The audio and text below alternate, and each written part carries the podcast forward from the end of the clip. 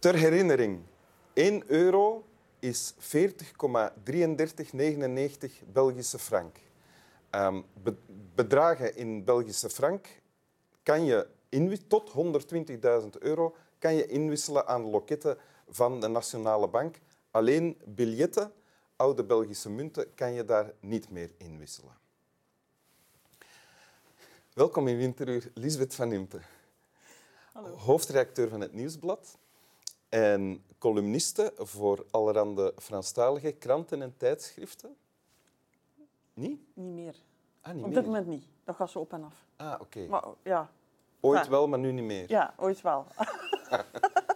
Sorry. Oké, ja, Sorry. heel, Dat is- heel oh, dat pijnlijk begin van het die- oh, staat nog altijd op die toch site. gewoon. Ja, sorry. Eh. sorry. maar ik dacht van als jullie dan denken van ja. Ja, ja, ja, dat, is Ja. waar, dat snap ik. En je geeft ook, of je gaf misschien ook les in Ja. Brussel, aan de Erasmus Ho- Hogeschool. Dat is gestopt. Het is nu in, aan de KU Leuven campus Antwerpen. Ah, oké. Ah, ja. ik het mijn, mijn online politiek, stel ik me voor. eh, politieke journalistiek. Ja. Ja, want je bent ook... Gastdocent. Gewoon. ja, Ja. en voornamelijk politiek journalist. Ja. Ja. Ja. Sorry, maar ik bedring het mijn online resumes op updaten duidelijk. Denk je daar nu aan door de dingen die ik zeg? Oké. Dat is dus wat er allemaal in die read, read My Lips dingen staat. En je hebt ook eh, borstkanker overleefd. Ja, voorlopig Eh, wel, ja. Voorlopig toch? Ja. Laat ons hopen dat dat nog heel lang eh, zal blijven duren. En je hebt een tekst bij. Ik heb een tekst bij. Wil je die voorlezen? Ik wil die graag voorlezen.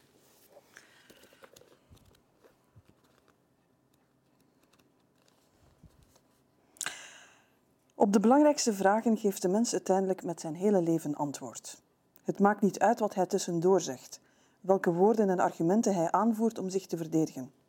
Aan het eind, als alles voorbij is, geeft hij met de feiten van zijn leven antwoord op de vragen die de wereld zo hardnekkig aan hem blijft stellen.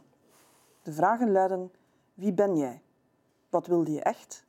Waartoe was je werkelijk in staat? Waaraan was je trouw en ontrouw? Waarvoor of voor wie was je moedig genoeg of te laf? Dat zijn de vragen. En de mens geeft antwoord naar best te kunnen, eerlijk of leugenachtig, maar dat is niet zo belangrijk. Wat wel belangrijk is, is dat hij uiteindelijk met zijn hele leven antwoordt. Prachtige tekst, vind ik.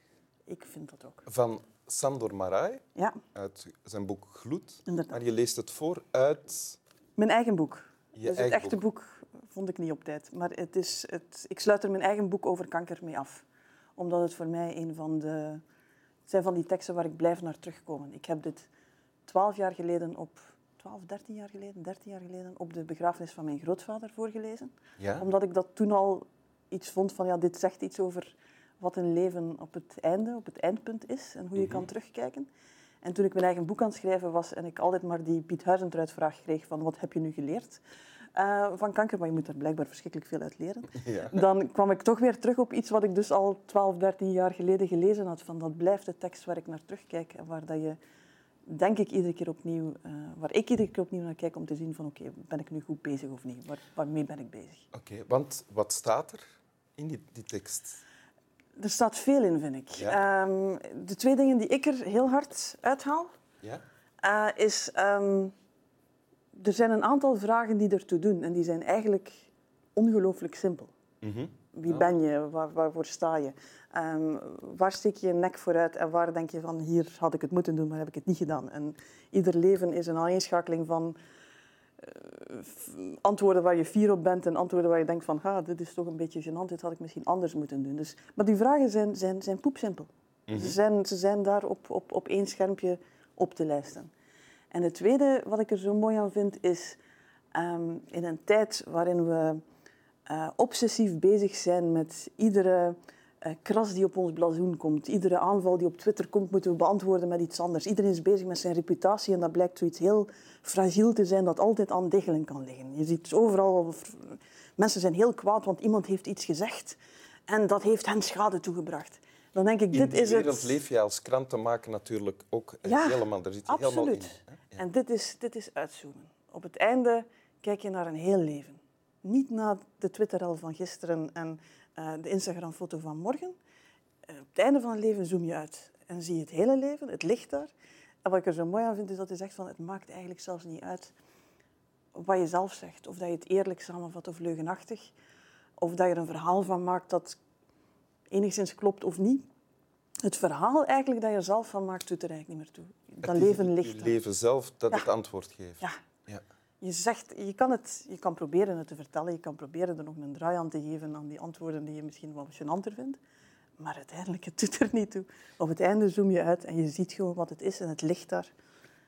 En is het effect van die tekst, als je die leest en herleest en opnieuw gebruikt om in je boek te zetten, is het effect van die tekst op jou dan ook dat je onthecht geraakt van al die dingen, die, al die Ja. Ik, druk en die... ik probeer het zelfs nu al te doen. In de zin van, je gaat mij heel weinig op sociale media en zo vinden. Iedereen die dat wil doen, doe gerust. Maar ik kan er de energie niet voor opbrengen. Het is voor mij een soort van maatstaf ook. Van, als je dan uitzoomt, wat gaat er dan eigenlijk overblijven? Wat zie je dan? En, en dan zie je hele, die zie je echt belangrijke dingen. En het, het brengt mij rust. Mhm. Eh, het is ook maar dat. Op het einde is het terug... Een leven ligt daar en het kan kort of lang geweest zijn. Het kan, kan moeilijk of, of, of makkelijk, leuk of minder leuk geweest zijn, maar het ligt daar. Als je zegt het brengt mij rust, Ja. is het dan ook, als je behoefte hebt aan rust, herlees je dit Ja. dan? Ja. Ja. Maar dat hele boek, ik moet misschien, het hele boek gaat over. eh, het, is, het is een dun boek, re- relatief dun boek. Eh, het gaat over twee oude mannen die vrienden geweest zijn toen ze jong waren. eh, die elkaar jaren niet gezien hebben. Ze zitten in een kasteel. De ene zit in zijn kasteel, de ander komt op bezoek. Ze weten allebei dat het een laatste gesprek zal zijn voor ze doodgaan. Ze kijken terug op dat leven, dus eigenlijk zoomen ze uit. Er is natuurlijk iets gebeurd en het is natuurlijk iets met een vrouw. En, en, allee, ja, bedoel, ja. Het is eigenlijk een heel lang gesprek over vriendschap, keuzes die mensen gemaakt hebben, eh, een leven zoals het loopt, waar ze ook niet altijd, ja, waar ze dachten dat ze aan het stuur stonden, maar ook heel veel dingen ondergaan hebben. En dus twee oude mannen die terugkijken. En dus heel die setting, ik bedoel, je hoort het haardvuur ongeveer knisperen. Ehm, heel die setting geeft mij rust. Dat, eh, geen van de twee heeft een, heeft een perfect of een mooie. Er zijn geen helden in dit verhaal. Nee. Ehm, maar ze kijken terug en er is een soort van eerlijkheid. Die komt waarschijnlijk op het eind zeker. Die veel moeilijker is zolang dat je nog aan het leven bent.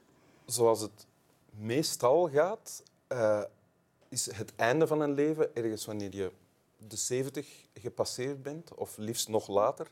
Liefst maar, dat hoeft, later. maar dat hoeft niet zo te zijn, Nee. natuurlijk. Nee. Ja, dat is natuurlijk het is een reden waarom het op het einde van mijn boek over kanker staat. Hè. Eh, ik was 42 vorig jaar toen ik hoorde dat ik ziek was. Ehm, en je plots met die mogelijkheid moet gaan rekening houden. En je plots, als je op een, op een... Ik weet dat ik op een bepaald moment op een kerkhof liep, liep en dat ik plots begon op data te let- letten van... Niemand wordt geboren met een garantie van 84 jaar. Hè. Eh, en dan plots zie je die daar. En je ziet, dat zijn allemaal levens die voorbij zijn. Dat kan. Eh, en je, de enige moment word je daar heel triestig van en dan word je daar kwaad van en dan word je daar heel bang van. Maar je moet, allemaal moeten op een bepaald moment een manier vinden om daarmee om te gaan. En, Ja, maar je wordt er wel op een heel dwingende manier toe Ja. gedwongen als je ja, te horen krijgt dat je kanker als je hoort, door hebt dat je kanker hebt. En, en, ja. Maar heel veel mensen krijgen er ooit mee te maken. Het boek gaat onder andere over het feit dat we geen goede manier hebben om daarover te spreken. Zelfs als je kanker hebt, verwachten mensen eigenlijk dat je daar liever niet over spreekt. Ah, is dat zo? Ja, mensen vragen, ben je bang om dood te gaan? En dan verwachten zij dat je zegt, nee, want ik ga positief denken. Dat is precies of dat als je erover nadenkt dat je dan rapper gaat doodgaan. Dat is onzin Maar je natuurlijk. was wel bang om dood te gaan. Ja, tuurlijk. Iemand hier niet. Eh, ik was... Ik was Swami nee. Bami is daar niet mee Nee. bezig. Alhoewel, volgens mij contempleert hij alles zo ongeveer. Dus ook dat. Ehm, dus we hebben geen goede manier om daarover te spreken. En voor mij is dit de manier om te denken, als ik nu Om de op het einde zou moeten leven- terugkijken, dan hoop ik dat ik hier een aantal goede antwoorden heb. Oké. Wil je de vragen nog eens voorlezen? De vragen nog eens De tekst? Ja. Nee, ik bedoel de hele tekst. De hele tekst. Met de vragen. Absoluut.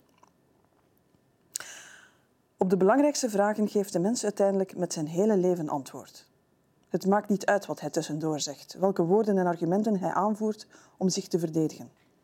Aan het eind, als alles voorbij is, geeft hij met de feiten van zijn leven antwoord op de vragen die de wereld zo hardnekkig aan hem blijft stellen. De vragen luiden: wie ben jij? Wat wilde je echt? Waartoe was je werkelijk in staat? Waaraan was je trouw en ontrouw? Waarvoor of voor wie was je moedig genoeg of te laf? Dat zijn de vragen. En de mens geeft antwoord naar beste kunnen, eerlijk of leugenachtig, maar dat is niet zo belangrijk. Wat wel belangrijk is, is dat hij uiteindelijk met zijn hele leven antwoordt. Dank u. Slap wel.